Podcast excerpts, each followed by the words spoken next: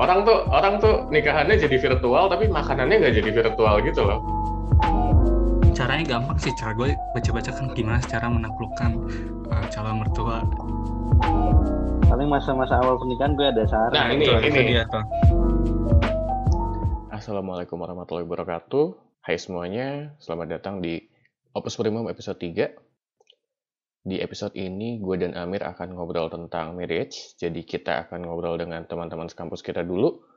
Ada Afif yang sudah menikah kurang lebih sekitar satu tahun dan sudah punya anak juga. Dan ada Bayu yang di saat recording ini sedang menghitung hari menuju pernikahannya. Jadi di sini kita akan bahas juga gimana insight dan experience mereka terkait persiapan menuju pelaminan dan juga apa rencana-rencana dan harapan yang mereka punya untuk keluarga mereka buat kalian yang lagi mempersiapkan diri menuju pernikahan atau mau tahu proses-prosesnya untuk menikah itu seperti apa saja, semoga konten ini bisa berguna untuk kalian. Dan konten ini direkam dengan media online. Di masa-masa sulit ini, kami selalu ingin mengingatkan untuk selalu jaga protokol kesehatannya dan selalu stay at home whenever possible. Semoga kita semua bisa diberi kesehatan selalu dan bisa cepat-cepat keluar dari masa pandemi ini. Meanwhile, please enjoy our podcast. Kita biasanya kita biasanya nggak pakai opening kan?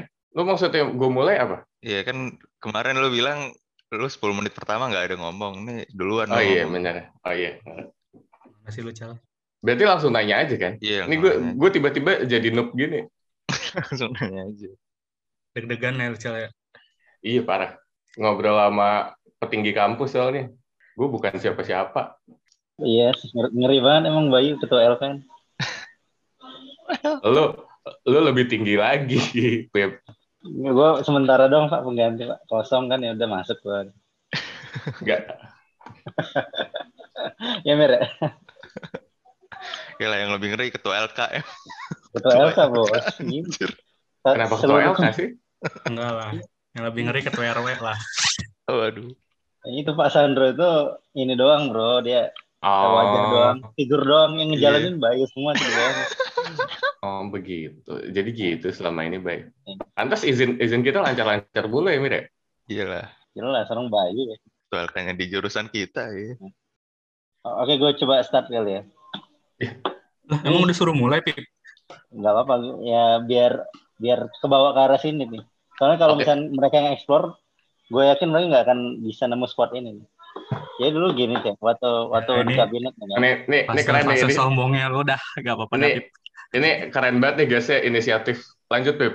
iya waktu di kabinet nih kan gue lagi sibuk lah tuh kemenkoan dan lain-lain tiba-tiba Bayu lah nggak bisa nih diajakin ngumpul segala macam nah suatu malam gue sama Hamna lagi pengen ngurusin eh, istilahnya apa ya gaya-gayaannya itu strategik lah strategic directionnya dari kita berdua untuk gimana kemenkoan ini bisa jalan di sisa kepengurusan yang sisa lima bulan?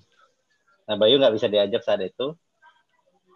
Nah kita kan punya sport-sport khusus ya biasanya ada di abnormal ada di eh, eduplex gitu-gitu. Kebetulan ini di abnormal di abnormal apa namanya? Ciamplas abnormal Ciamplas terus gue lihat si Bayu sama Fania Brilian itu. Gue saat itu masih ya gue lihat eh, oh ini anak kenapa nggak bisa ikutan tapi lagi sama Fania gitu segala macam terus gue tanya "Nga- ngapain Bay di sini Bay ya nyiapin kepengurusan selanjutnya gitu. Uh, oke siap. Uh. Gila. gue gue di situ ini coy. Gue di situ sangat sangat husnuzon kayaknya. Oh ya oke. Mempersiapkan kepengurusan selanjutnya. Karena emang tinggal lima bulan lagi toh. Itu kita apa namanya kepengurusan kita tinggal lima bulan lagi. Eh, harusnya yang jadi priority itu emang nyiapin kabinet selanjutnya bukan eh, nyelesain program kita harusnya kan gitu ya. Nah yaudah eh, hal itu berlanjut. Hal itu selesai malam itu gue nggak ada nggak ada apa ya nggak ada dugaan apa apa dan segala macam. Tapi kayak eh, setiap hari setiap bulan tuh terus bertumbuh tuh momentumnya tuh. Kayak tiba-tiba ketemu berdua lagi gue masih usnuzon juga segala macam. Sampai pada akhirnya gue lihat line profilnya tuh eh, latarnya sama meskipun foto berbeda tuh kayak ini Bayu dengan latarnya sama si Fania juga latar yang sama nih. meskipun mereka fotonya sendiri-sendiri gitu. Nah di titik ini gue sadar berarti eh, pinter banget Bayu nyembunyiin ya atau gue yang terlalu goblok sebenarnya untuk tahu. Untuk bisa merasakan hal-hal gini gitu. kan tujuannya benar regenerasi. Iya. Regenerasi keluarga lu. eh, enggak dia jadi penerus cal dia penerus. Kemarin dia jadi hampir jadi Menko cuman nggak diizinin akhirnya jadi Wamenko doang Oh. Oke, oke, oke. Tetap aja gak directly gantiin bro. ya nggak apa-apa lah mempersiapkan dua tahun lebih awal nggak apa-apa Tapi tapi lu sadar kan itu kepengurusan lu lagi butuh lu, Bay? orang gua nggak dimintain sama Apip Ya kalau di level Menko gak ada minta-mintaan pak inisiatif pak kalau di level Menko. ya kan gua juga inisiatif membahas inisiatif membahas gitu di akhir kepengurusan Kayak gitu. Inisiatif gitu Yang gini-gini ya nggak susah nih maksudnya. Inisiatifnya inisiatifnya sampai sekarang ya, Bay? Masih masih berlangsung iya Long term investment bro ceritanya. parah. Jadi jadi persiapan yang lo lakukan tuh dari dari situ dari situ, Bay. Dari dua dari lu masih ngurus jadi Menko. Berarti eh, lima eh lima. Berapa tahun yang lalu tuh? enggak itu kerja bareng aja Tiga tiga tiga empat tahun yang lalu. Jadi belum persiapan itu maksudnya. belum Masa sih belum persiapan? masih mengurus hal-hal yang dibutuhkan untuk Ben- Bentar bentar. Ini berarti si Fania ini awalnya staff lo, Bay? ya salah satu petinggi di di bawah gua Apa udah menteri? Menteri berarti? ya? belum belum masih dirjen Oh. Hmm. Hmm. Dari dirjen ke Menko langsung. Hmm. Menarik, Bay. Kan nggak jadi. Enggak, tahun-tahun setelahnya dia jadi ini eh, kesra di himpunan Oke, oke, baik. Baru tahun berikutnya memulai Baik. Enggak, maksudnya kan dari dirjen tuh bisa berhubungan langsung ke Menko tuh kayak keren gitu loh, Bay. Kayak ada yang di skip gitu. oh ya bisa dong kan waktu itu lagi lagi izin eh, menterinya terus Hmm. gue langsung ke dirjen-dirjennya waktu itu belum waktu itu belum dirjen satu laginya juga ini dibahas bareng gitu jadi Hmm. eh, penglihatan Afif waktu itu benar husnuzonnya Oke. gitu. nah setelah turun baru Baru bergeril ya. Tuh. baru menyeriusi untuk nggak membahas sekedar organisasi gitu. Nah, organisasi yang lebih tinggi ya, Bay, berarti ya, yang dibahas, yang lebih Betul. yang lebih yang di, di mata Allah gitu. Organisasi ya. Lebih sakral. Itulah cerita lagi cerita Afif lebih ini lebih menarik ke kalau di kulik mah. Kalau kalau cerita lo gimana, Vip? Sampai ketemu eh, jodoh lo yang sekarang. Kalau gua buka kan nggak enak ya, udah dipunyain sama orang lain gitu. Nah, coba dari Afifnya dulu lah, ntar diklarifikasi sama Bayu nih. Tapi kalau bisa Bayu yang cerita kayak tadi, bagus sih. Oh nggak cal, gua takut menyinggung perasaan cal. Emang bisa ya ente cerita bro? Emang ente tahu ceritanya? Tahu sedikit lah. Perjalanan kehidupannya kan lebih lebih ini punya Afif lebih inilah lengkap gitu, Lebih- lebih penuh. Lebih dynamic, lebih dinamika. Ketemu pertama kali itu 2015 ya waktu Dikpus, Dikpus OSKM 2015. Lebih jauh Wow. lagi Afif. Wow, ternyata sudah persiapannya memang harus jauh-jauh hari ya. Not necessarily persiapan bro, cuma eh, gue rada rada percaya intuisi gitu sih anaknya jadi kayak Anjir. biasanya kan kayak ya wajar lalu tertarik sama orang dan segala macam. Cuma waktu Dikpus itu di titik itu gue ngerasa kayak oh, she's the one gitu kayak nggak tahu intuisi, intuisi gue ngatain itu 2015 itu. Itu kan kita baru baru lulus TPB dan segala macam. Gue baru pertama kali ngeliat dia juga. Terus gue nggak tak nggak bisa ngeliat namanya itu kan kita pakai name tag deh segala macam. Nggak bisa lihat namanya yang gue inget Hmm. cuma NIM ya 168 14090 gitu. Wow. Ya udah habis itu pokoknya dia cuma jarak sekitar satu setengah meter lah dari gue. Kan kita duduknya agak serampangan gitu ya duduknya. Gue cuma ingat dengan dengan gue cuma ingat eh, NIM-nya ya gue jalanin lah hari-hari gue dengan tahu bahwa ada seseorang yang punya NIM seperti itu. Akhirnya gue kepoin lah namanya siapa segala macam. Eh, eh, apa namanya story-nya itu banyak bro kayak misalnya ketemu di mana gitu tiba-tiba segala macam terus kayak cuma dia gue yakin dia nggak notice gue gitu cuma gue notice dia dan gue yak- hidup dengan keyakinan bahwa ya suatu saat eh, she's the one itu dia bakal gue presenting. Gitu anggapannya kayak gitu sih. Jadi eh, meskipun ya gue tahu dia eh, anak gamais anak gamais yang nggak mungkin pasti ngebuka celah buat gue dan gue juga nggak berani masuk juga sih.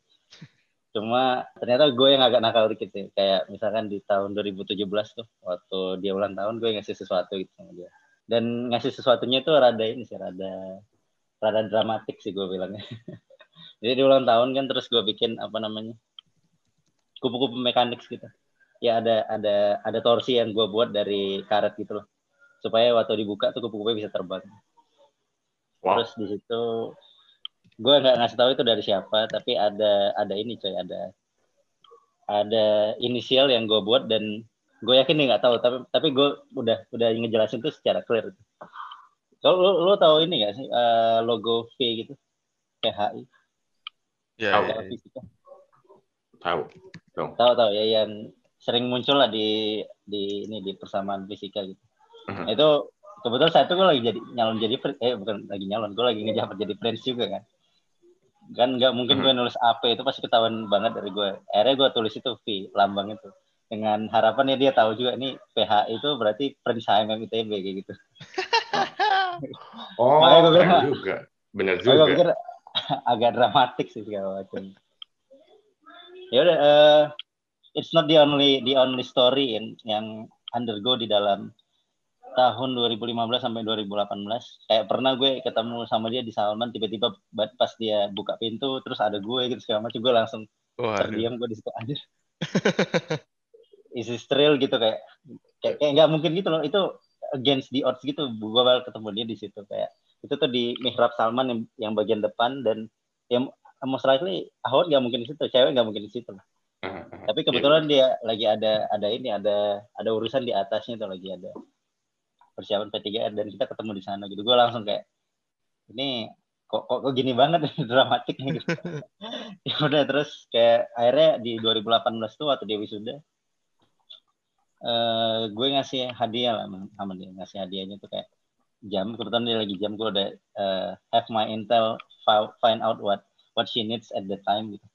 Terus eh, di situ gue bikin novel coy. Jadi novel yang eh, nyeritain sebenarnya visi visi hidup gue visi visi seharusnya gue tuh bakal kayak gimana ke depannya itu gue gue ejawantakan jadi sebuah novel gitu. Nah namanya itu Dinan nama tokoh yang di situ namanya Dinan Mhm. Nah, dia dia udah lihat di hari kedua gue ngasih itu. Itu kan dia wisuda Sabtu tuh. Gue kasih tuh eh, jam sama novelnya. Terus dia udah lihat tuh gue kan bisa ngecek lognya tuh.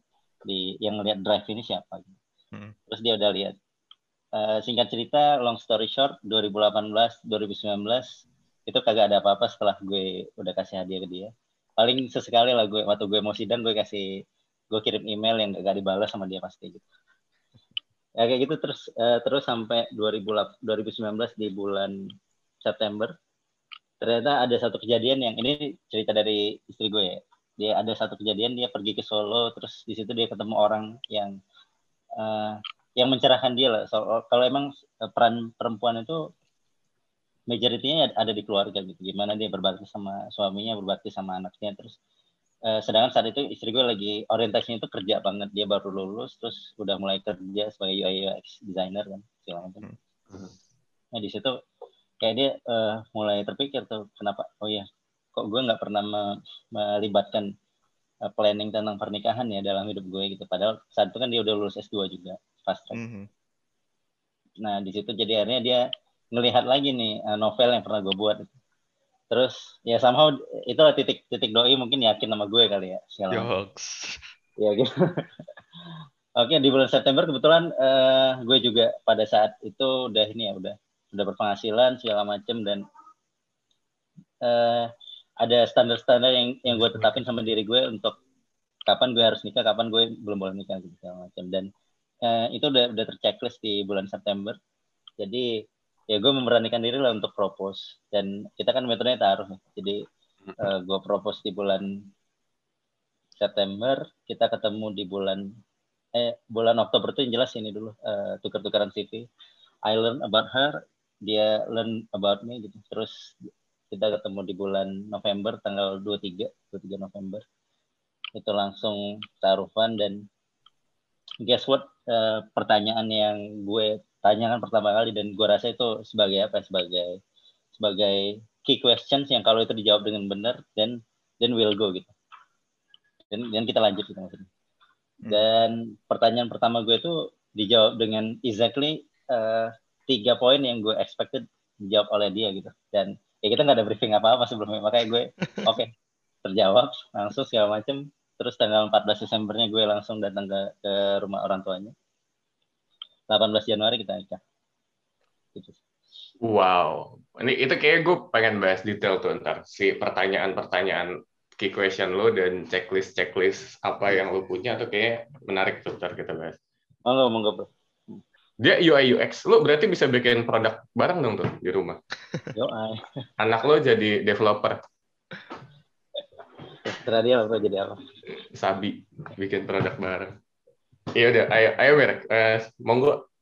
Iya, gua gua penasaran apa standar-standar lo yang bikin lo udah kayak oke gue boleh boleh udah boleh memulai keluarga nih checklist checklist yang tadi lo sebut itu.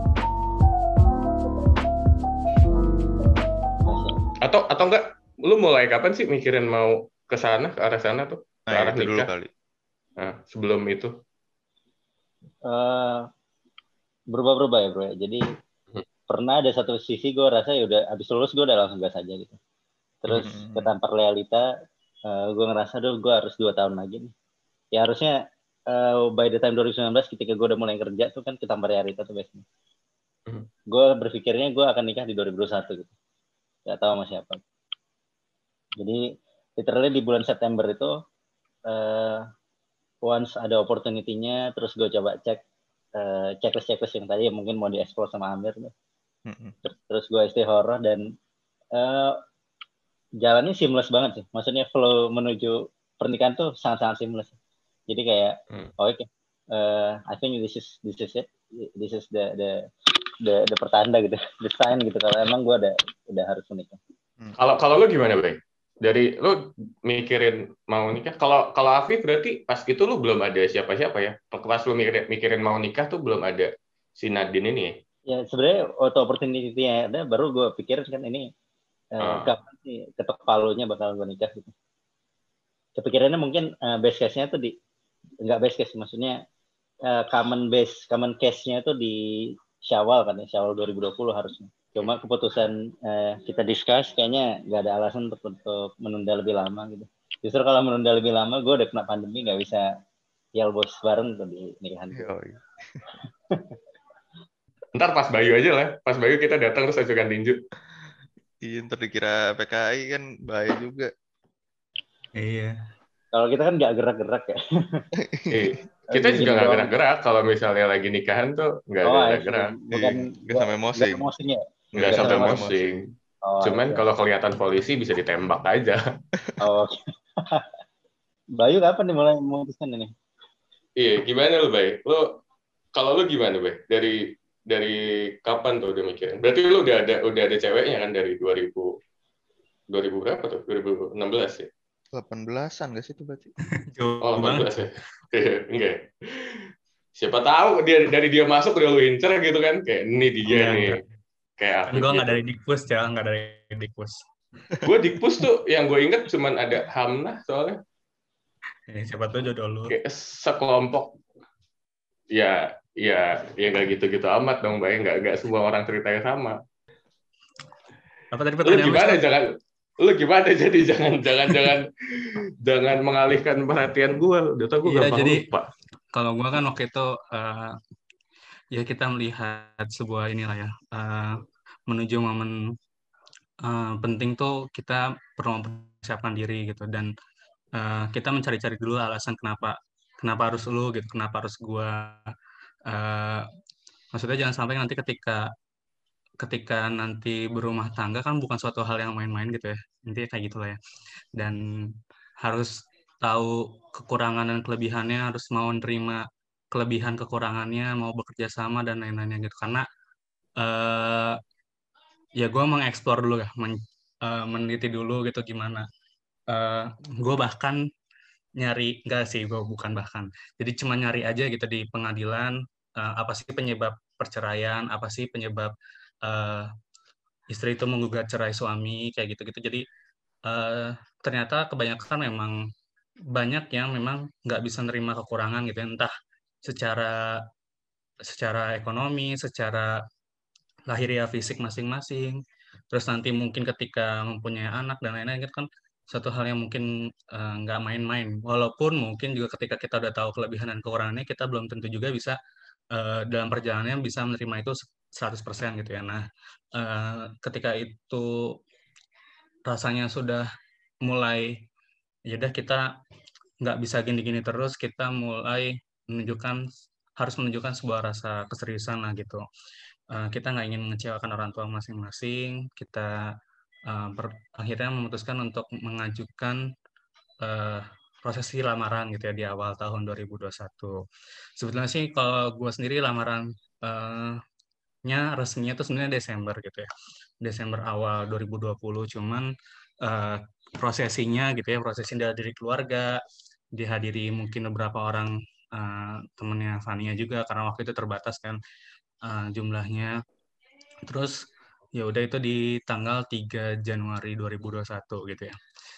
Uh, momentumnya ya kita ngelihat momentum pandemi ini nggak tahu sih kenapa gue ngelihatnya emang kita harus pinter-pinter memahami siklus gitu ya dari Indonesia karena secara tidak langsung siklus Indonesia tuh uh, seperti kuda pelana gitu naik turun naik turun dan kita uh, terkadang kesulitan untuk menentukan tanggal kapan yang pasti yang harus uh, momentumnya tepat. Waktu itu juga pas akhir Desember kan akhir uh, libur Natal dan Tahun Baru ya itu juga sempat ketar-ketir gitu ya. Ada pembatasan dan lain-lainnya. Uh, gua nggak bisa ke Bandung gitu karena uh, ada pembatasan waktu itu. Bahkan waktu itu di akhir-akhir tahun tuh rest area ada apa ya? Kalau nggak salah ada uh, yang masuk rest area tuh harus swab gitu. Jadi uh, cobaannya waktu itu uh, mendekati hari lamaran uh, cukup ini lah ya cukup uh, berat juga karena situasinya lagi pandemi gitu. Nah ya udah akhirnya uh, kedua orang tua lo, lo lama kan di rest area tuh? Ya enggak atau lah. Oh, okay. Di restroom. Ya, gitu, okay. enggak di restoran, restoran. Masih ada resnya ya. Ada restoran, ada restoran, coba ada okay. di restoran di sebuah restoran. Oke. Okay. Oke, okay, okay, bagus. Tapi jangan sampai nih, jangan sampai resepsi lo di rest area nih. Iya, iya bisa jadi kalau rest area iya. bagus. iya sih, oke okay sih. Tapi kasihan kalau di rest area, bay. Uh, tamu-tamu lo ntar kalau udah kelewatan tuh masuknya, dia harus muter lagi, keluar tol masuk lagi gitu. Oh iya benar iya, kan? Kasihan itu kan? terserah tamu undangannya lah gitu. Iya, Nanti okay, bisa aja okay. gue booking satu rest area kan nggak salah gitu. Ya gitu cal pokoknya inti, intinya di waktu itu kayak gitu dan kedua orang tua menyetujui uh, intinya dititipin gitu jangan sampai uh, proses ini tuh sebagai suatu bentuk yang main-main kayak gitu. Uh, walaupun waktu itu kan istilahnya Fanny juga sekarang masih tingkat akhir gitu. Udah insya Allah lulus ya Oktober gitu ya tapi udah mulai udah uh, mencukupi dirinya juga gitu dengan uh, apa pekerjaan bersama keluarganya kayak gitu dan ya udah uh, intinya sih kalau dari gua waktu itu ya ini momentum jangan sampai kita terlalu lama untuk uh, apa ya mengenal satu sama lain tapi kita nggak mengeksekusi mengeksekusi gitu. Jangan sampai uh, kita menunda-nunda apa yang memang seharusnya nggak ditunda gitu. Gitu sih cal awalnya. Terus ya udah perjalanannya ya uh, kenapa cukup lama? Karena waktu itu gue berharap uh, almarhum bokap tuh sembuh gitu. Dan uh, bisa bareng-bareng mengiringi gue gitu ya. Cuman kan Allah berkehendak lain terus uh, akhirnya tetap uh, acaranya di bulan-bulan depan nah kurang lebih kayak gitu. Nah terus sebetulnya juga cobaannya banyak gitu ya. Maksudnya kayak uh, bokap pergi gitu terus uh, apalagi pandemi yang nggak jelas gitu pemerintah yang nggak jelas gitu. Terus uh, apalagi ya misalnya kayak ini beberapa cobaan lah sebelum pernikahan mungkin Afif juga nggak tahu Afif merasakan apa nggak cuman uh, kayaknya itu sering terjadi gitu ya kecil karena uh, untungnya sih alhamdulillah sampai saat ini masih bertahan gitu ya. tapi ada beberapa kasus gitu ya beberapa orang-orang yang uh, menjelang hari pernikahan justru ketahuan uh, apa borok-boroknya gitu ketahuan jalan sama uh, orang lain dan lain-lainnya kayak gitu. Jadi kayak alhamdulillah masih menjaga sampai sekarang dan insya Allah ya gue bisa mengikuti Afif lah untuk mengenapkan setengah tiang agama kayak gitu sih Ca. Amin amin. Amin. Amin. Jadi lo belum ketahuan ya jalan sama orang lain ya, Bay? Belum. Insya Allah enggak lah. Insya Allah nggak ketahuan kan? Insya Allah orang lain nggak apa-apa, baik. Cewek lain nggak boleh baik. Ah, gitu. Iya benar. Siap, Pip. diamalkan. Ya udah. Keren masih mau ada lanjutan nih. Eh, ya kalau gitu apa sih berarti yang lu berdua pikirin nih checklist checklistnya ketika eh lu gimana sih Mir pertanyaannya Mir anjir Iya checklist apa yang lo ya di, di checklist tuh isinya apa aja yang bikin lo bilang oke ini saatnya gue udah boleh nih udah layak nikah atau yang belum. Afif dulu kali. Iya karena Afif sudah mention tadi Iya. Ya bro, Eh, ngelihat kualitas orang tuh kan biasanya ada atribut-atributnya kayak knowledge-nya gimana, skill-nya gimana, terus eh, mentality-nya gimana. Gue nganggapnya sama sih, dalam artian kayak lu misalkan harus nge-hire orang di company lu, lu pasti akan lihat itu. Hmm. Orang ini pengalamannya gimana, sebelumnya kalau pengen nge-hire orang jadi product manager ya, lu bakal lihat skill-skillnya kayak gimana nih, soft skill-nya nih, communication-nya lancar nggak atau segala macam. Terus satu lagi itu mentalitinya. Nah, kalau gue agak menyamakan dengan hal itu, gue coba bikin di setiap hal tuh ada ada standar-standar yang harusnya udah gue penuhi. Hmm. Tapi all in all di atas ketiga itu ada satu yang gue kunci. Yang pertama tuh prinsipnya sih, prinsip hidupnya. Hmm. Gimana cara gue mandang kehidupan tuh udah harus firm dan gue eh, yang lain-lain boleh beda sama istri gue nggak apa-apa beda. Misalkan beda kesukaan makanan, beda cara hidup atau gimana dan lain itu menurut gue bisa sangat-sangat ditoleransi. Tapi yang satu titik ini tuh nggak boleh, nggak boleh berbeda satu sama lain. Itu tuh cara cara kita memandang kehidupan. Nah kan karena misalkan kalau misalnya cara memandang kehidupan yang udah beda, itu itu jadi sumber konflik coy. Setiap hal kecil yang berbeda itu pasti akan jadi apa ya? Jadi sesuatu yang kecil tapi jadi berlarut dan itu yang biasanya jadi pemicu konflik-konflik gede lainnya. Hmm, hmm. Nah, kalau gue kuncinya tuh di tauhidnya tuh. Jadi kayak eh lo ngelihat hidup ini untuk apa sih segala macam. Terus apa yang penting bagi hidup lo. Kalau misalkan ada hal-hal seperti ini, yang mana yang lo prioritasin? Terus misalkan lo mandang rezeki itu kayak gimana sih segala macam. Itu kan eh contoh case-case ketika ketahuidan kita diuji. Hmm, Nah itu makanya gue coba kunci dari sini dari sisi tauhidnya. Terus dari selain itu ada tiganya lagi tuh tiga tiga yang bawahnya tadi ada knowledge, skill, sama mentality. hmm. Nah kalau gue kunci di knowledge-nya dulu lah. Knowledge-nya gue udah udah cukup tahu belum tentang perbedaan bukan bukan perbedaan tapi peran-peran antara suami dan istri itu kayak gimana. Hmm. Apa yang Tuhan harapkan dari kita menjalankan suatu pernikahan gitu. Terus knowledge knowledge lain yang berhubungan sama life skills gue udah punya eh, enough knowledge or skill nggak ya untuk bisa mencari penghidupan gitu. Maksudnya eh, ya ini dari sisi, ekonomi. Misalnya gue di dipecat nih dari company gue yang sekarang gue masih bisa thrive nggak? Masih bisa survive nggak? Hmm, gitu. hmm.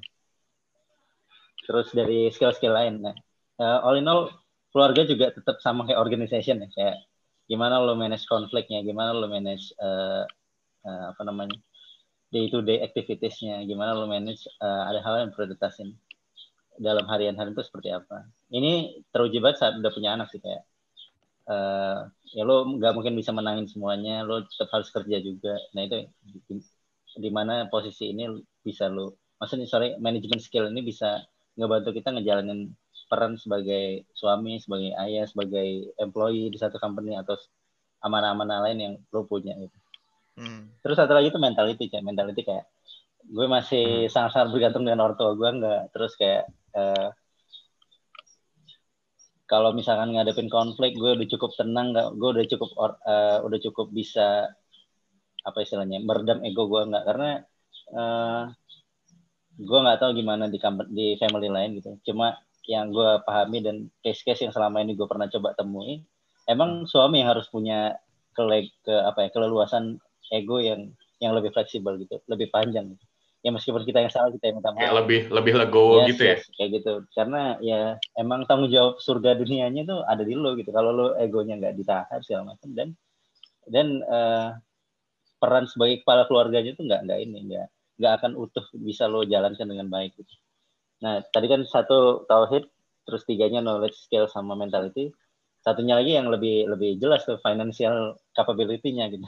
Hmm. Ya gue juga pada satu titik yang ngerasa bahwa rezeki itu pasti dikasih gitu. Cuma kalau lu ceritanya udah pengen langsung punya anak dan lain-lain, dan setiap hari yang lu bakal bicara sama istri lu pasti soal financial, financial, financial gitu. Karena ya it's getting real gitu. Anak lahir butuh berapa puluh juta gitu misalkan. Terus kayak uh, ketika menikah juga pasti bertambah gitu kebutuhan-kebutuhan lainnya. Nah, itu itu salah satu yang gue pertimbangkan juga. Nah at that time mungkin nggak nggak nggak nggak abandon ya istilahnya. Rezeki yang gue dapatkan gitu. Cuma uh, setelah itu hitungan ya cukup gitu untuk bisa hidup berdua terus by the time anak gue lahir ya alhamdulillah dicukupkan lagi gitu sampai sampai hari ini gitu hmm. kayak gitu sih bro uh, five things yang mungkin gue consider sebagai standar diri gue yang harus ada sebelum gue nikah kemarin gue gue penasaran sama empat poin pertama sih karena kayaknya kalau financial ya semua orang udah ngerti lah cara ngejarnya ya tambahin nambahin income atau ngurangin outcome kan.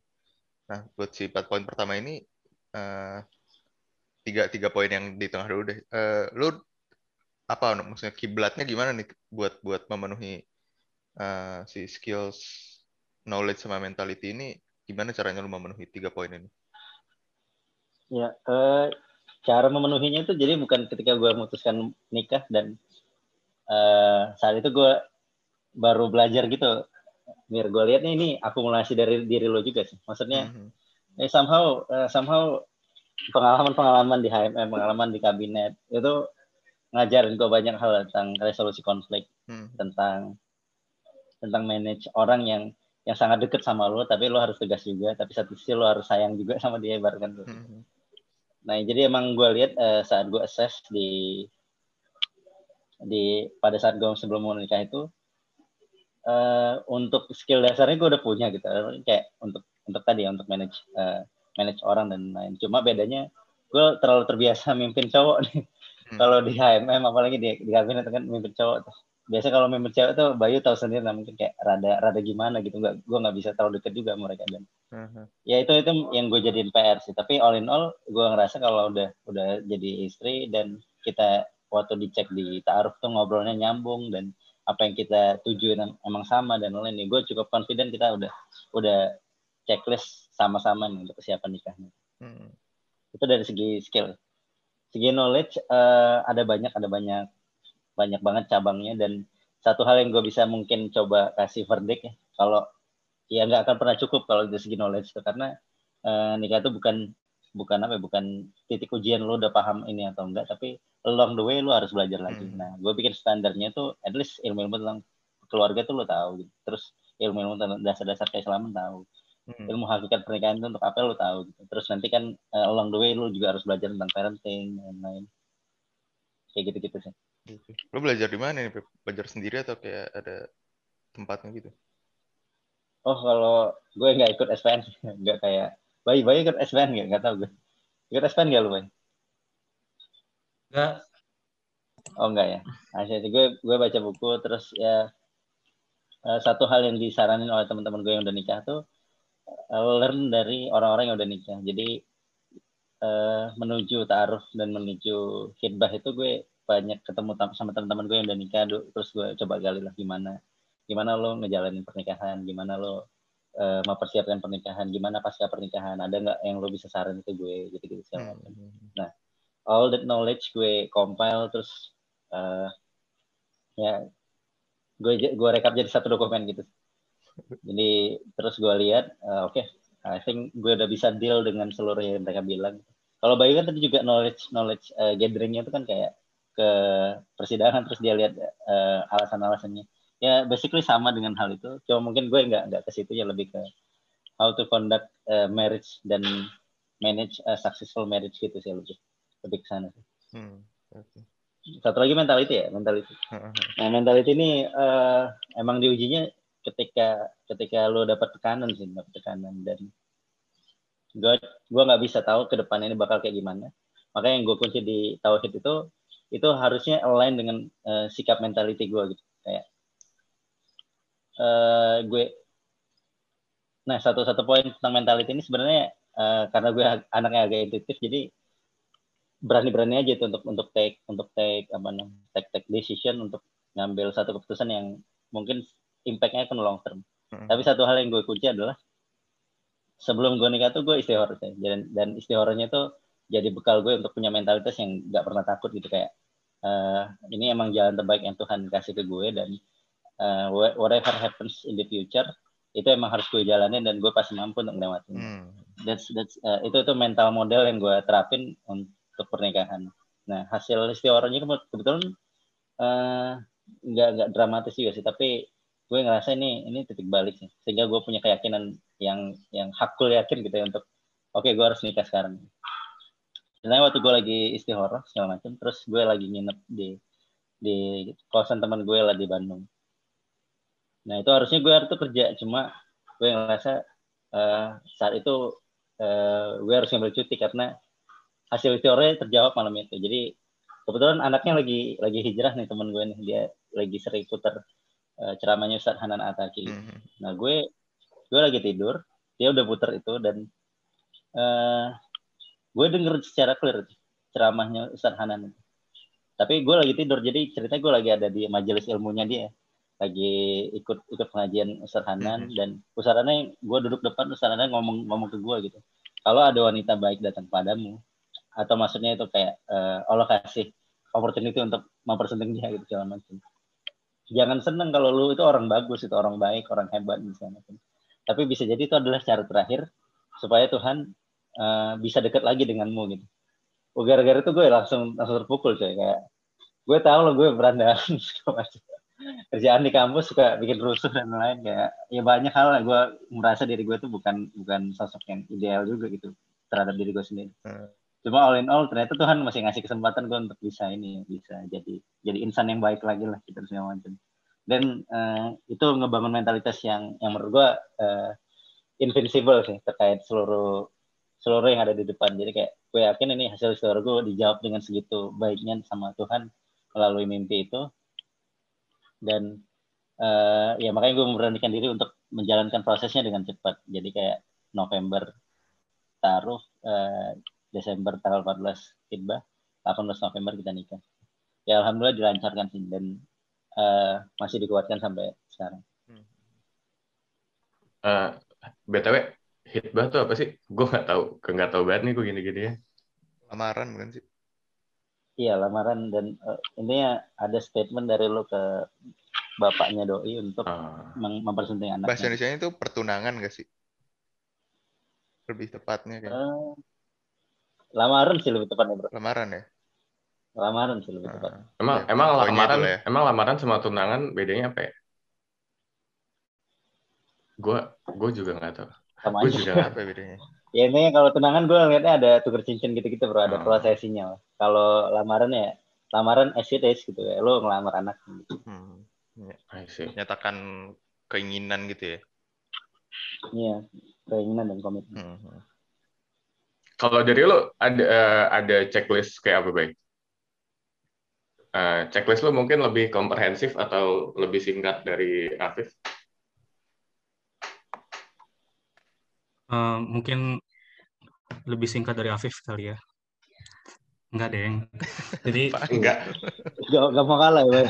Panjang pasti Bayu. Bayu pasti panjang. Enggak, itu cuman enggak banyak checklist lebih ke arah teknis sih, Cal. Tapi intinya mungkin sama lah ya kan dengan apa yang tadi disampaikan Afif itu kayaknya dasar dari semua uh, ketika lu mau mau membangun sebuah apa ya kerjasama keseriusan dengan orang lain kayaknya uh, kurang lebih kayak gitu kayak bagaimana lu mengembangkan skill lu memahami suatu memahami sebuah proses uh, dan mengenal gitu terus uh, dan ya itu kurang lebih uh, mirip-mirip lah gitu kalau dari segi dasarnya gitu. Karena lu pasti juga inilah ya cara gitu. Kayak ketika lu mau siapa ya nanti yang bakal jadi istri gua? gitu. Dia mau uh, dia bakal segimana sama gua kayak gitu lo pasti juga mungkin seperti yang tadi Afif sampaikan gitu kurang lebih uh, ya lo harus mengenal diri lo sendiri dan mem memperbaikinya gitu dengan baik gitu. Uh, sebenarnya kalau dari gue sih uh, ketika memutuskan untuk menikah ya uh, tambahannya paling dari restu keluarga kali ya Jadi uh, mungkin karena uh, prosesnya nggak melalui uh, taaruf gitu, tapi mengenal dulu dan dulu uh, ya maksudnya kita kena um, apa memastikan dulu keluarga keluarga juga memberikan pandangan kepada calon istri gitu dan juga memberikan pandangan kepada keluarga calon istri gitu karena uh, ketika lo menikah ya uh, bukan tentang gue sama istri gitu, tapi gue sama keluarga gue, gue sama keluarga istri gitu. Jadi kurang lebih menyatukan dua keluarga.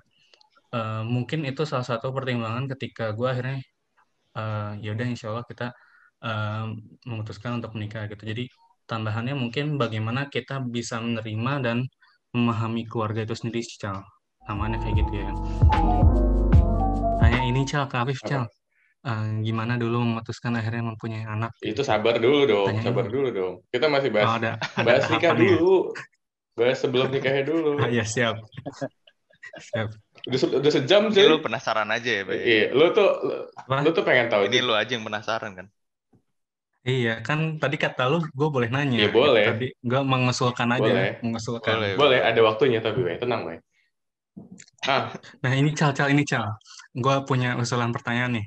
Uh, dulu pas prosesi apa uh, ta'aruf hingga hitbah, kita kira apa yang uh, Afif lakukan terhadap keluarga Nadine gitu sehingga akhirnya disetujui. Ah, betul. ah nah iya itu coba itu tanya, itu coba, iya Allahu Akbar.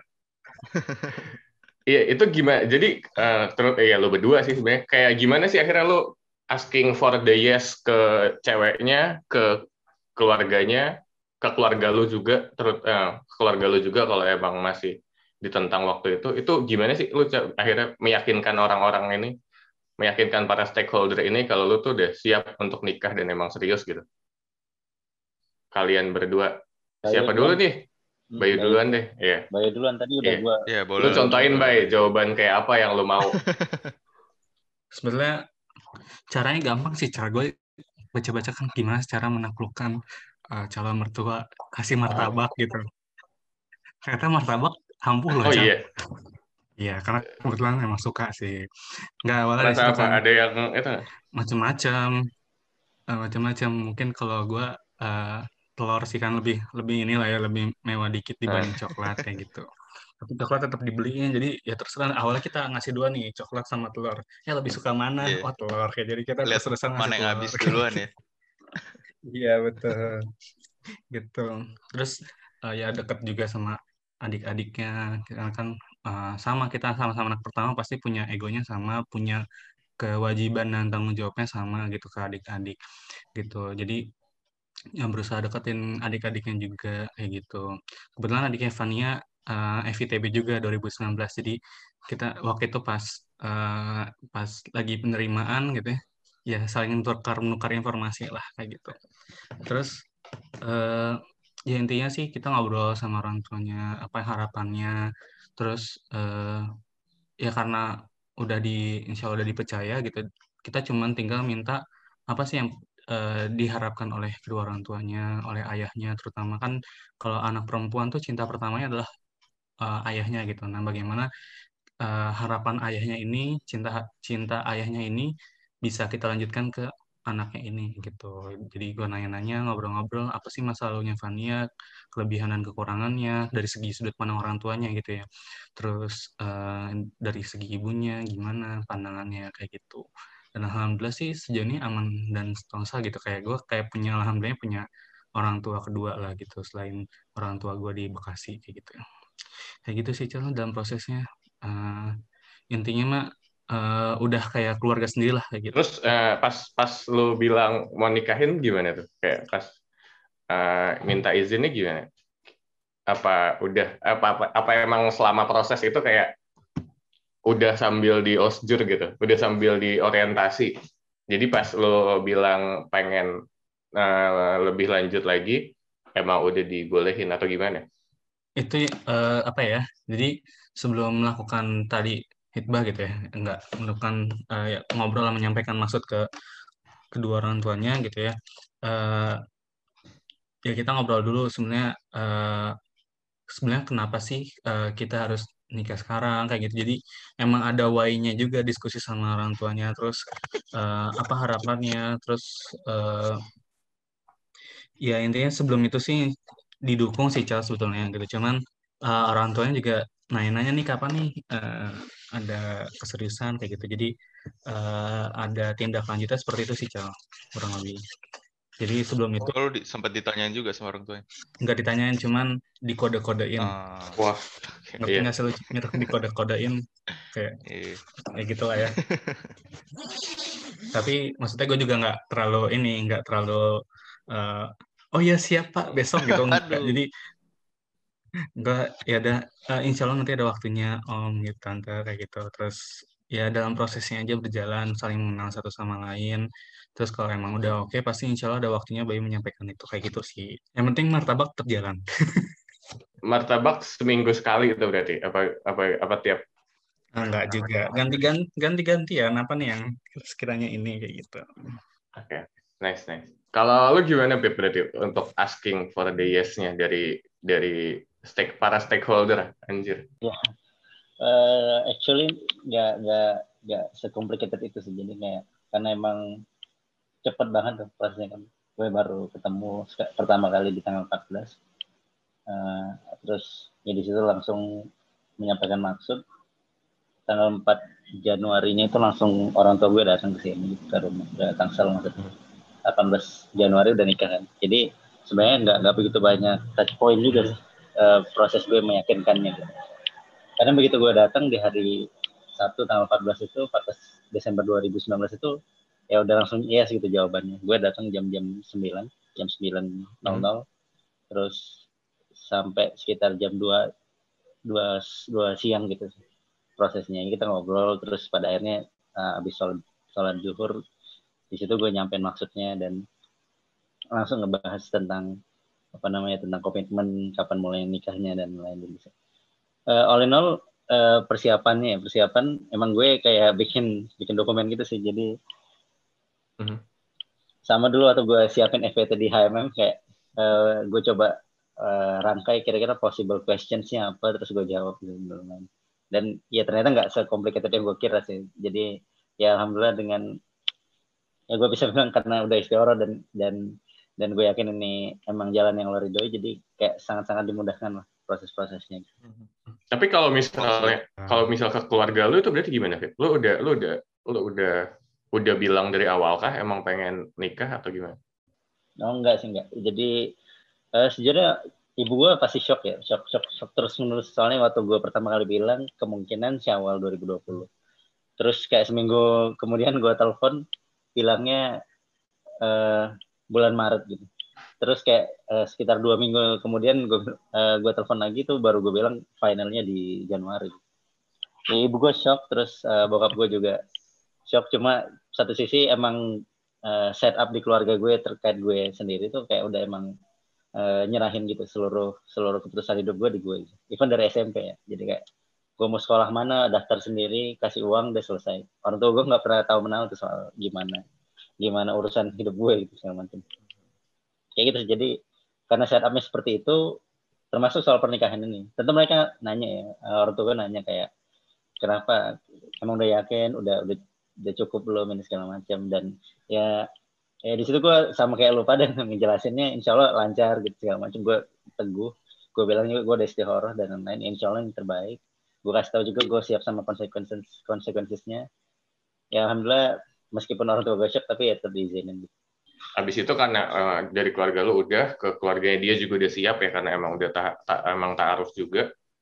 Jadi lancar lah ya kalau kalau di di hitbahnya sampai hitbahnya. benar alhamdulillahnya seperti itu Overall proses dari si taaruf ini eh, gimana sih? Tadi kan lu sempat bilang ada tukar CV segala. Ya Apa apa mungkin ada Tinder atau marketplace gitu buat buat melakukan taaruf ini? oh ada bro banyak. Oh iya benar. Menarik tuh. Iya ada ada bener. Jadi emang eh, common practices-nya tergantung ini ya, tergantung sayap-sayap is keislaman yang mana itu. Kalau ada yang emang via ustadz, jadi seluruhnya lempar aja di situ nanti ustadz yang yang match and make. Gitu. Hmm. Yang nge-matching-matching itu ustadznya. Atau ya ada juga yang emang lewat perantara keluarga atau pertemanan dan lain-lain gitu. segala macam. Cuma kalau gue nggak sih direct aja sih. Jadi gue nggak nggak apply ke Tinder dan segala macam langsung aja ke orangnya gitu dan agree akhirnya kita tukar CV oh prosesnya ya Hmm. prosesnya gue coba ngejangkau eh, yang jadi ininya mentornya doi terus dari situ ya emang nggak mungkin langsung kan maksudnya untuk menghindari hal-hal yang segala macam nggak mungkin langsung jadi gue coba uh, reach ke mentornya doi dan di situ uh, kita sama-sama agree untuk uh, memulai proses ini all in all sebenarnya nggak harus CV tapi apa pun yang bisa ngedescribe lo yang pakai apa pun itu ya boleh hmm. video kayak atau gimana pun juga segala macam cuma I think ya cara paling simpel dan singkatnya tuh ya CV gitu. Di, di hmm. situ ada poin-poin kayak lo lo pengen kriteria yang kayak gimana sih, apa prinsip lo dan lain-lain gitu. Dan ini juga termasuk soal kriteria kriteria fisik ya. Karena somehow itu juga jadi concern sih bagi beberapa orang. Jadi udah di, dimasukin di situ. Terus uh, once udah di ini ada ada kalau ada pertanyaan kita sampaikan, kalau misalkan ada pengen kayak secara kultur yang perlu di istilahnya itu apa ya, background checking dulu ya boleh juga gitu. Mm-hmm. Terus setelah itu baru uh, taruh proses taruh ketemu langsung terus di situ diberi kesempatan untuk saling mengenal. Nah proses taruh ini biasanya uh, nggak satu kali sih biasanya. Mm-hmm. Kalau biasanya lanjut ada banyak prosesnya ada yang sama didampingi oleh anggota anggota keluarganya juga karena anggota keluarganya berhak juga sih untuk ikutan sini. Mm-hmm. Terus uh, biasanya ada fasilitatornya juga harusnya someone yang emang udah berpengalaman sih dalam pernikahan supaya tahu nih direction uh, discussionnya mau diarahin ke mana dan lain gitu. Mm-hmm. Terus setelah itu uh, setelah itu kita dikasih waktu untuk uh, mempertimbangkan dan lain. Kalau oke okay, ya udah uh, boleh langsung arrange agenda buat hitbahnya. Ya udah gue datang uh, setelah tanggal 23 November tuh gue uh, kabarin tiga hari setelahnya kalau udah oke okay, gitu. Terus kita langsung set up jadwal kapan mau ke ke rumah orang tuanya. Terus ya udah gue dateng. Terus di situ ya disampaikan uh, apa namanya uh, alasan-alasan gue. Terus ya pertama saling mengenal dulu lah gue sama keluarganya segala macam. Ngobrol panjang lebar. Kayak gitu terus di akhir khidbah itu langsung tetapin kapan kira-kira mau komitmen untuk pernikahannya maksud ke akad nikahnya gitu. Jadi lu ada proses ada proses mix and match-nya dulu tetap ya? Apa apa enggak? Lebih ke langsung. Karena ya gue nggak mau lah sama orang nggak gue tahu.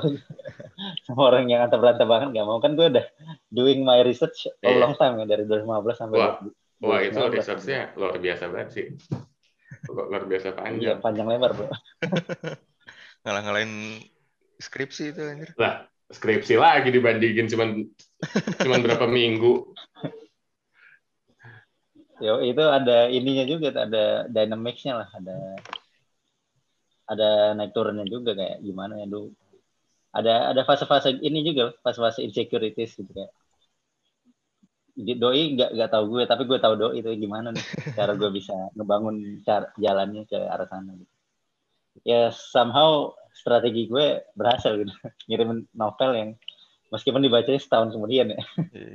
Yang penting hasilnya. Cuma ya kalau lihat Iya, outcome-nya berhasil gitu. Di Bayu kan sering, ya, Bayu udah mention tuh banyak permasalahan keluarga dan lain-lain tuh. Ya itu it's real ya, maksud gue siapa pun itu lo profilnya mau kayak gimana juga pasti ada ininya, ada apa? Ada ada tantangannya lah pernikahan. Kayak Ustadz Somad aja kan uh, itu somehow uh, bercerai kan sama istri pertamanya. Terus kalau kalau lihat professional side gitu, uh, tujuh dari sepuluh bilioner bilioner di dunia itu uh, cerai yes, gitu yeah. di keluarga dan ya banyak lah banyak banyak side lah kalau pengen lihat dari sudut pandang, pandang mana pun itu terjadi ke setiap orang. Nah makanya gue ngerasa apa yang bisa dikunci sih yang sama-sama. Yang kalau kita pegang ini bareng-bareng insya Allah akan utuh hingga akhir hayat. Eh, kepercayaan gue sih di, di tauhid gimana cara lu mandang hidup dan menempatkan Tuhan itu dalam dalam setiap aspek. Kalau dari tingkat kesalahan mungkin ya nggak nggak bisa diukur juga dan menurut gue tuh itu nomor dua sih kayak lo hafal berapa juz Quran gitu segala macam itu itu kan praktikalnya ibadahnya. Tapi eh, soal keimanan tuh menurut gue nomor satu. Sih. Hmm.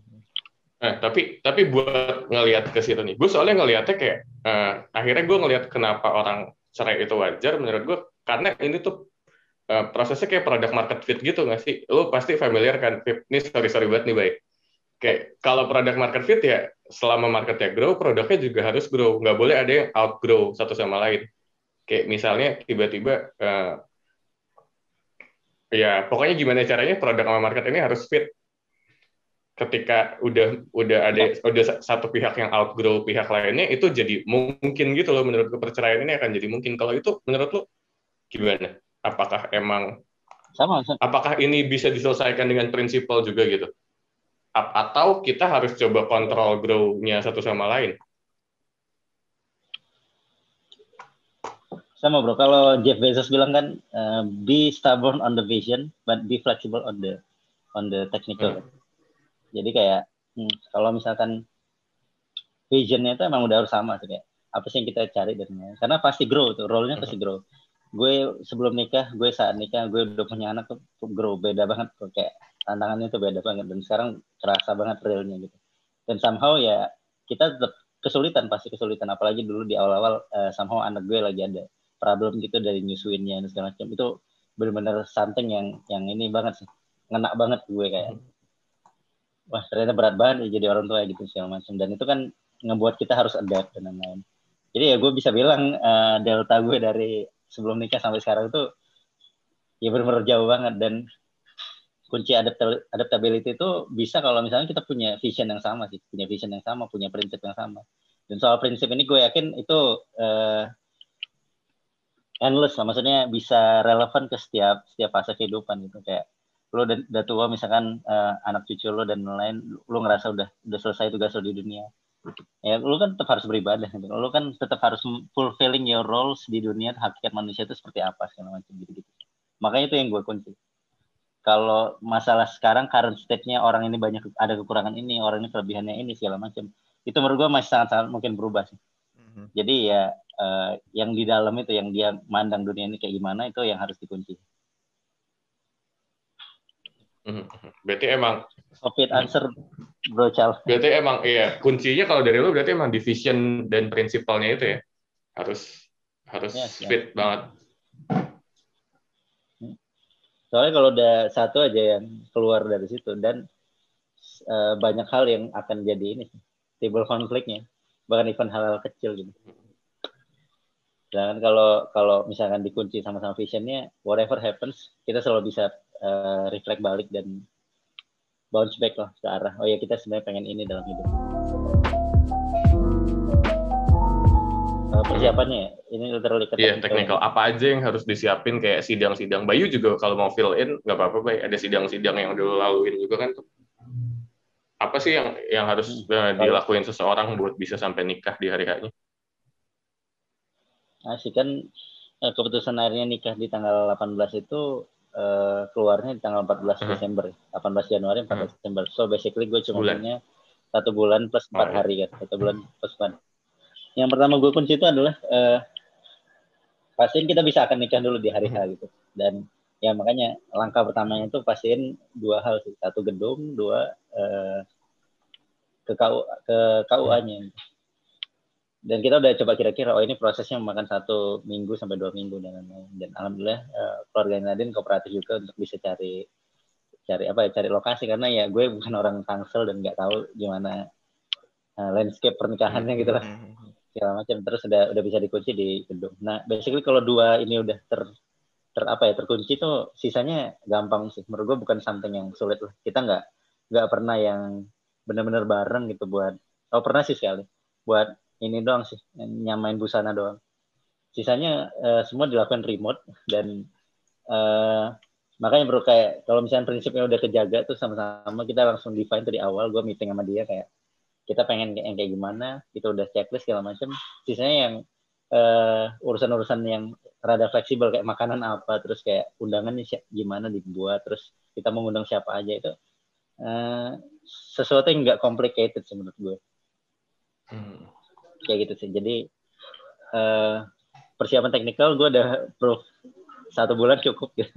Satu bulan cukup kita ngundang seribu orang dan ya teman-teman gue pada datang dan lain ya kayak gitu. Bisa kalau kalau misalnya secara itu kalau nggak salah tuh ada yang sidang KUA itu kan? Kalau itu gimana sih?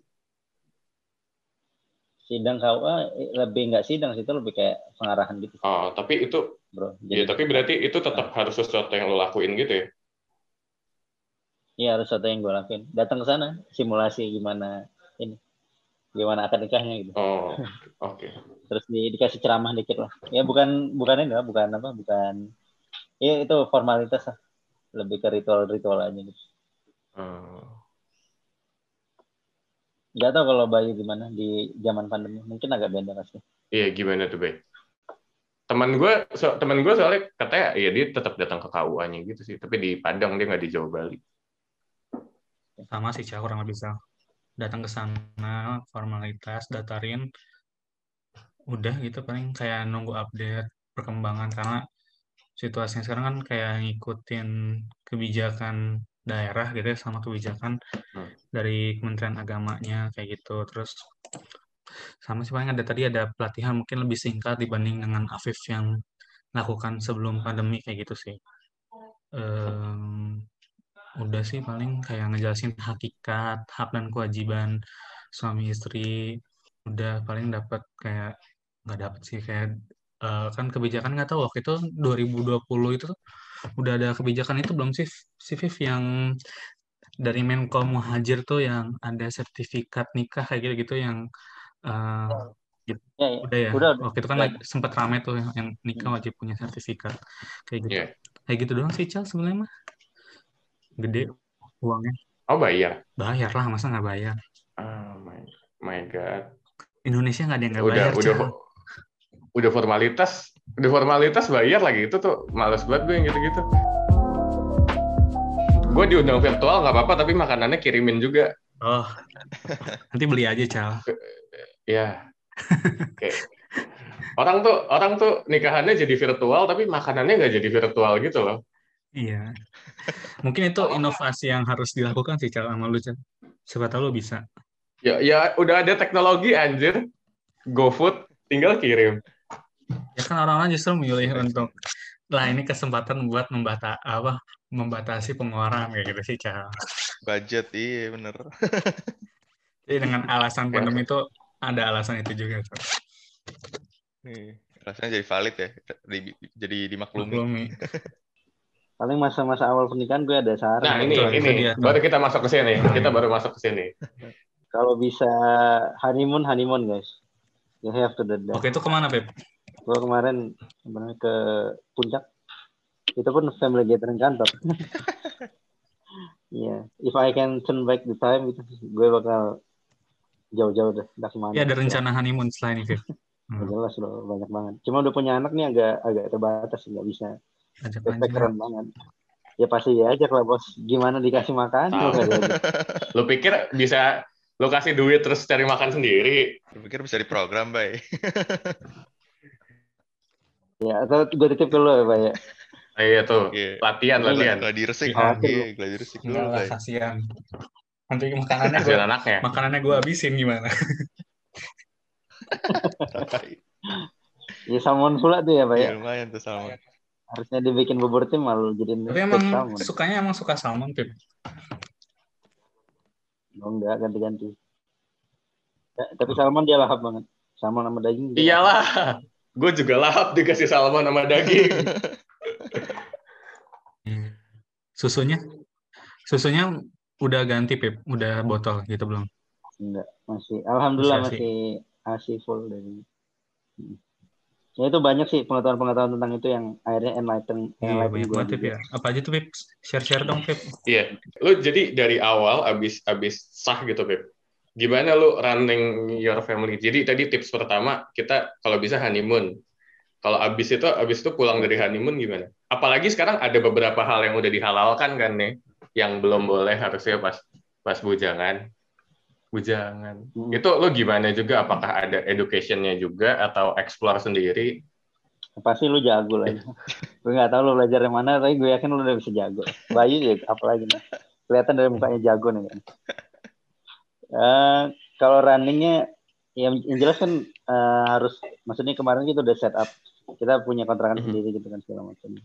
Terus eh, gue sama dia agree juga kita nggak mau beli pro- properti dulu karena pengen jadi ini, jadi diaspora dulu beberapa tahun ke depan. Jadi better siapin uangnya untuk nanti hidup di sana.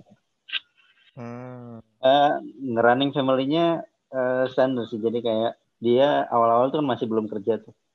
Terus ya dia lagi-lagi explore herself gimana kalau misalkan jadi ibu rumah tangga secara total dan lain dan somehow dia lebih fit. jadi apa jadi ibu rumah tangga yang juga kerja gitu dan karena apa ya karena gue sama dia emang gak ada rencana untuk menunda Mhm. jadi program program apa ya, program KB itu nggak ada jadi sekedar langsung langsung ini aja ya doing doing it usual as a usual occasion yang mau kita set up frekuensinya kalau dikasih Allah sekarang dan kita harusnya siap kalaupun harus ditunda sama Allah ya kita ready juga gitu. ya alhamdulillah eh, dikasihnya cepat gitu. Jadi kayak sekitar sebulan atau dua bulan itu udah hamil gitu istri gue. Rajin juga berarti itu. ya ada frekuensi yang di setup lah tuh nah terus eh, waktu istri gue udah hamil segala macem nah itu itu getting real lagi sih. Karena ada gizi yang harus diperhatiin gitu kayak makanan istri lu apa segala macem. Dan eh, gue jadi harus manage juga tuh kayak dari segi finansialnya ada budget khusus yang memang diatur untuk eh, ininya untuk memenuhi gizinya. Dan itu nggak sedikit sih bro. Kayak sehari itu emang satu satu susu tuh sepuluh ribu tuh buat gizinya. Itu khusus susu susu doang. Belum ya maksudnya kak seminggu jadi ada sekitar tiga ribu yang harus gue spend untuk buah sayur dan lain-lain. Salmon gitu-gitu tuna dan lain-lain. Karena saat itu istri gue kalau lagi hamil tuh kan suka ini ya apa sih gue lupa lagi. pokoknya nyium bau makanan tuh nggak bisa dan jadi gue harus masak sendiri untuk makanan gue gitu. Karena kalau dia masak dia pasti bakal muntah-muntah dan ya kasihan ngapain gitu. Hmm. Wah, gue masak sendiri atau kadang-kadang gue beli juga gitu. Dan itu kebetulan lagi pandemi orang-orang pada masak semua. Gue jadi kayak semangat masak sih saat itu. Sampai sekarang sih gue mas- masih masak juga sendiri kadang-kadang buat bikin salad bikin eh, ada dagingan gitu-gitu bikin mentai bikin ini. menjelang apa menjelang tiga bulan sebelum lahiran sekitar tiga sampai empat bulan sebelum lahiran tuh istri gue dapat kerja di sekarang eh, UX researcher gitu dan eh it's getting real karena emang pressure-nya tinggi sih di di company-nya dia. Jadi gue harus manage not not not only her consumption tapi juga her mentality gitu kayak gimana gue bisa even technical things juga ya kadang-kadang di di apa di pekerjaannya gitu. Karena kan researcher jadi open ended gitu questionnya. Gue sering jadi teman diskusi dia terus sering jadi mental support dia juga gitu gitu dan eh, yang gue rasain gue jadi pasangan yang nggak nggak begitu banyak nuntut sih. Ya alhamdulillah bisa kayak gitu. Dan gue juga agak-agak surprising gitu kayak oh ternyata ego gue bisa di, dipukul se- segini jauhnya gitu demi demi istri dan anak-anak gue gitu. Nah eh, yang bisa gue highlight lagi tuh eh, ketika udah nikah eh, ketika udah punya anak. Karena nggak tahu ya everyday everyday in my life itu kayak gue nggak pernah wasting time lagi sih. Dulu atau masih masih berdua doang gue masih sering main ini battle royale. Gitu berhari-hari gitu kadang di Sabtu Minggu gue main battle royale segala macam. Istri gue ngapain gue main battle royale dan lain sekarang gue jangankan game gitu kayak even eh, untuk diri gue sendiri aja buka YouTube dan itu udah udah gak sempat lagi gitu. Apalagi gue kebetulan somehow di setup di company maupun part time job gue rada rada demanding gitu kayak gue di start kerja udah dari jam 5 5 pagi itu udah start, start kerja. Untuk di pekerjaan utama sampai jam 7 gue udah baru selesai gitu kan. Terus gue lanjut lagi sampai jam jam 11 biasanya nah meanwhile itu enggak itu start necessary gue langsung kerja mulu ya sampai jam 11 gitu. Cuma selalu ada fase-fase gue eh, harus ngejemur anak gue terus ngasih makan mandiin dan lain terus eh, karena kita dua-duanya kerja dan nggak ada ART sesekali juga dibantu bapak ibu juga jadi ada ada waktu-waktu di siang hari itu yang gue juga ya, nemenin dia main dan lain-lain jadi gue lepasin dulu laptop gue sampai gitu-gitu sih oh, lo ada part time Jadi, juga berarti. hmm. Oke. Jadi apa? ada part time juga gue jadi senior PM Di di mana? di edtech loh salah satu edtech belum dapat pendanaan yang seri-seri E gitu masih pressure funding gitu nanti kalau ada seri E Gantiin. Ajis. Jadi belum Enggak. ganti Enggak. Oh, gue kira Etek Aziz eh, matematik dulu dia di itu juga kan. Dia PM di sebuah Etek gue lupa tuh namanya apa. oh yes, bukan bukan Oke, oke. Nah, jadi eh, dua jam per mal dua jam per hari itu gue spend waktu buat buat ini buat ngontrol di yang satu di produk satunya. Jadi senior PM jadi nggak nggak begitu terjun ke technicalitiesnya lebih ke ensuring the quality aja. Kayak gitu terus eh, ya itu gue eh, sehari-hari udah nggak ada lagi sih maksudnya kayak benar-benar wasting time gitu. Dan gue ngerasa uh, the most product, productive form of myself itu di sini. Zaman-zaman ini gitu karena ya kalau nggak gue kerja gue pasti lagi ngurusin anak gue kalau nggak itu dua-duanya nggak berarti gue lagi belajar ya mungkin baca buku atau uh, upgrading myself lah terkait product management dan others other other attributes di dalam diri gitu. Uh, ada saat juga kayak setelah punya anak tuh somehow hubungan ke orang tua baik itu bapak ibu mertua maupun bapak ibu gue sendiri tuh lebih lebih erat. Yang dulunya gue agak jarang sih nelfon nelfon gitu segala macam tapi kalau sekarang kayak setiap hari. Karena uh, ya udah tua kan bapak ibu gue maupun bapak ibu mertua dan hiburan mereka yang paling utama tuh punya cucu hmm. jadi kayak gue ngerasa oh, orang tua gue reborn lah gitu keceriaannya segala macam. Kayak ngelihat cucu tuh kayak uh, ya? itu kebahagiaan. Dulu tuh gue awal nikah setiap hari tanya emak gue kayak kapan nih kapan nih kapan nih? Gitu. emang demanding punya cucu gitu. Ya alhamdulillah bisa fulfilling itu. Melihat lagi senyum mereka terbuka lebar setelah ya dulu mungkin ngebesarin gue terus uh, kuliahin gue dan adik-adik gue itu kan kayak eh, it's a pressure lah bagi mereka ya hmm. kayak gitu sih Bayu tadi kayaknya ada pertanyaan nih terkait ini tadi lo kayaknya ada pertanyaan nih terkait ini ah, iya gitu yang mana Aduh. Ini biar biar biar kesannya interaktif gitu. Oh iya. Masih iya. dengerin orang. ya bagus sih Cel kayak gitu emang emang kayak gitu kan harusnya. Hmm. Jadi banyak yeah. belajar juga dari yeah. Afif yang baru kayak gitu yang udah, udah pengalaman. Uh, Bukan itu pertanyaan lo yang tadi maksudnya suruh tak gue biar lo tanya lagi. Yang mana ya? Yang yang decide mau punya anak gitu. Oh iya itu Tanyain aja, Cal. Yang itu, Cal. Allah Akbar, bodo amat anjing. Bye, bye. Hapus, hapus ya Mira ini ya. Kayak sama bayu-bayu ya lah dihapus. Ya, itu benar pertanyaannya. Alasannya mungkin gimana? Kalau lu berarti tadi kan lu mutusin mutusin buat punya anak tuh langsung ya Pepe, nggak pakai uh, program KB dan lain-lain. Planning oh, lu tuh gimana tuh buat? gimana Cal? Gue pukul nih, Bay. kan tadi gitu. Kalau planning lu berarti ada yang nunda iya, gitu. Enggak, maksudnya ya maksudnya nggak ada nggak nggak menunda lah, langsung maunya langsung. Itu lo ada planning planning apa aja mungkin ada financial planning ya buat anaknya soalnya kayaknya sekarang uh, lagi hits banget nih financial planning kayak apa-apa harus di plan financially. Uh, dua dua sisi sih. Pertama sisinya lo harus percaya kalau setiap anak tuh setiap dia dilahirkan ke dunia itu ada rezeki part untuk dia gitu. Mm-hmm.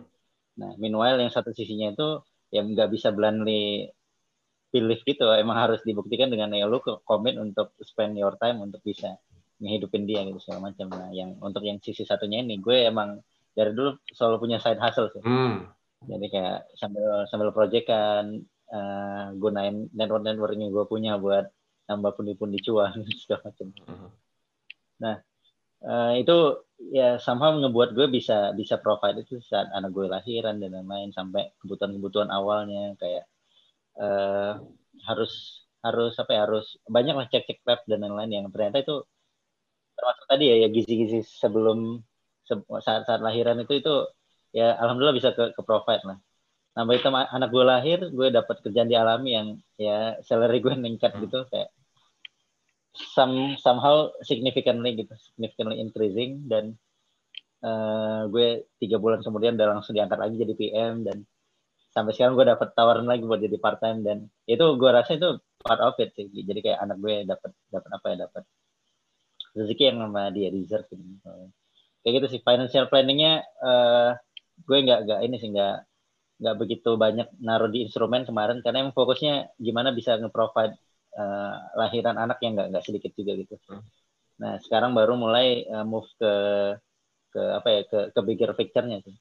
Gue udah arahin financial planningnya ke arah usia 30 sih. Usia 30 gue insya Allah bakal jadi diaspora. Jadi gue mungkin uh, dengan atau tanpa beasiswa gue bakal coba find a way untuk bisa study abroad. Terus dari situ find some jobs there.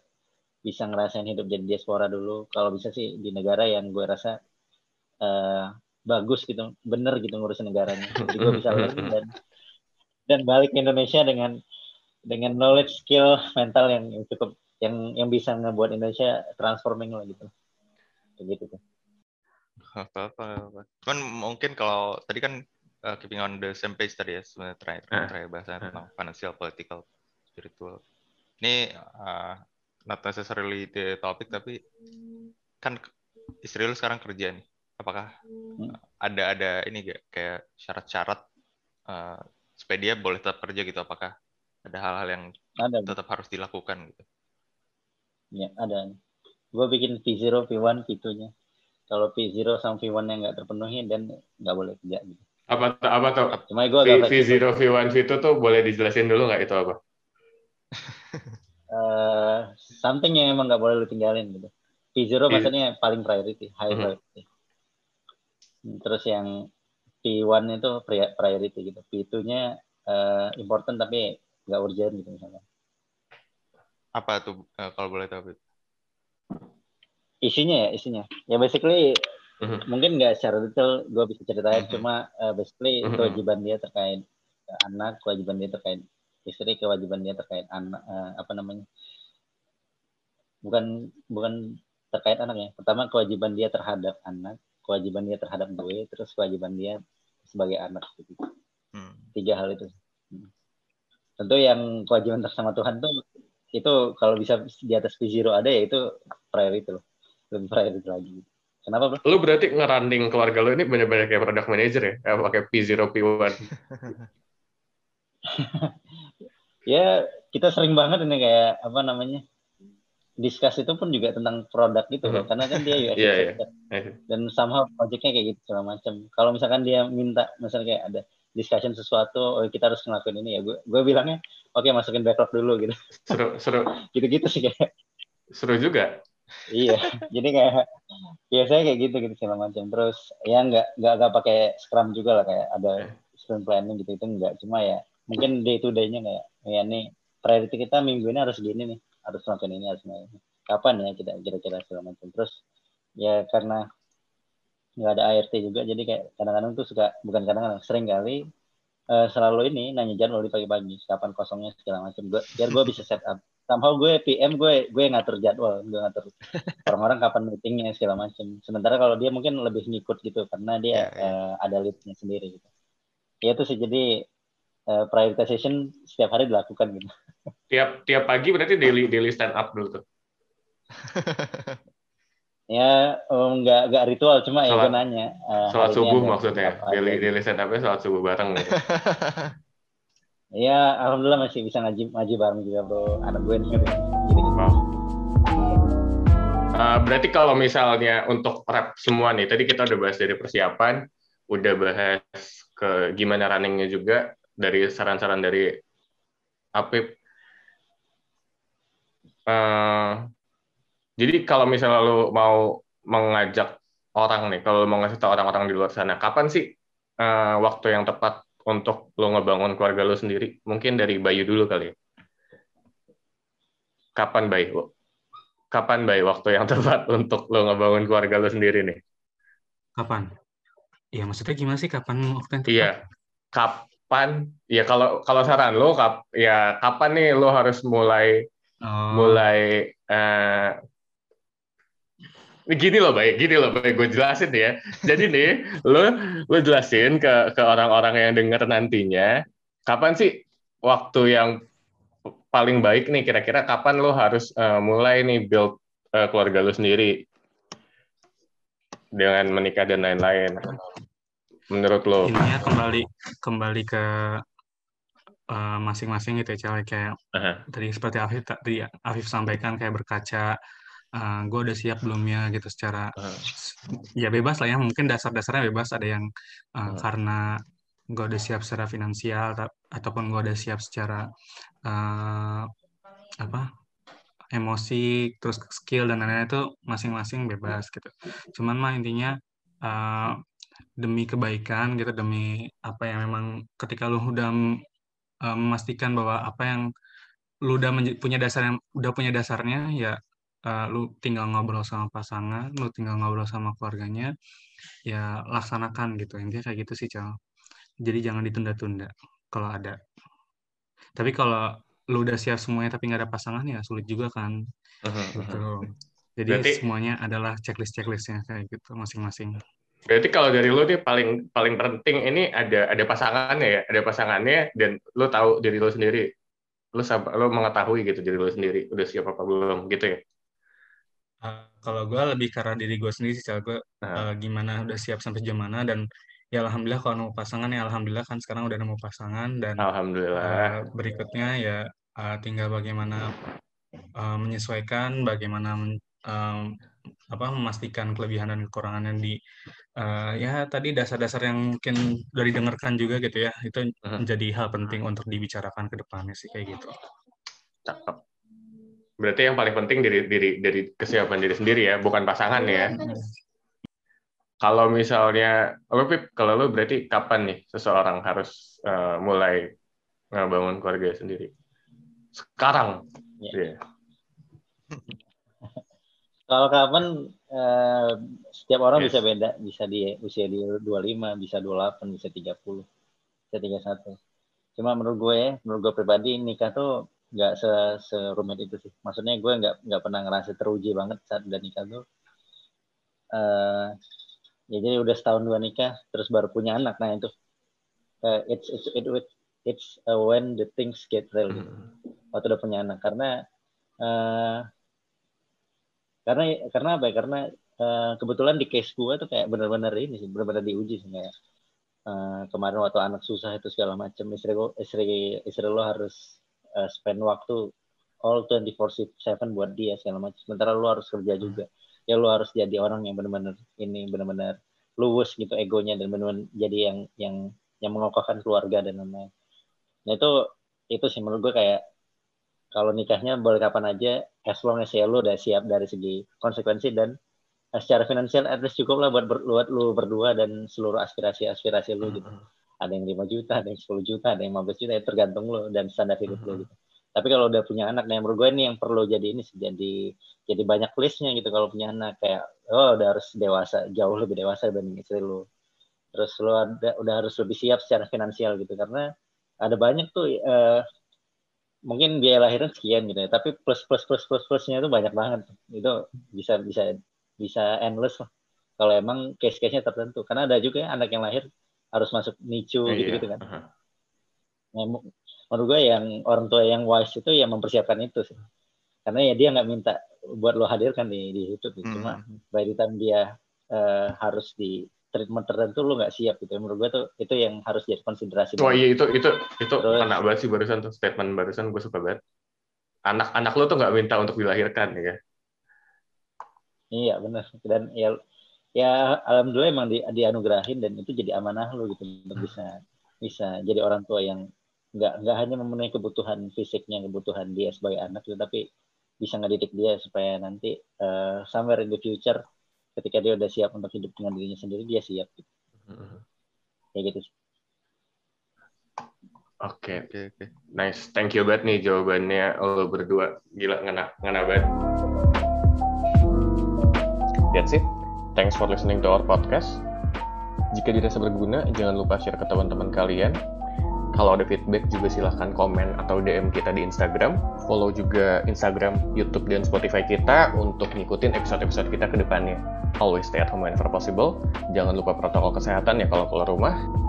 And see you in the next episode.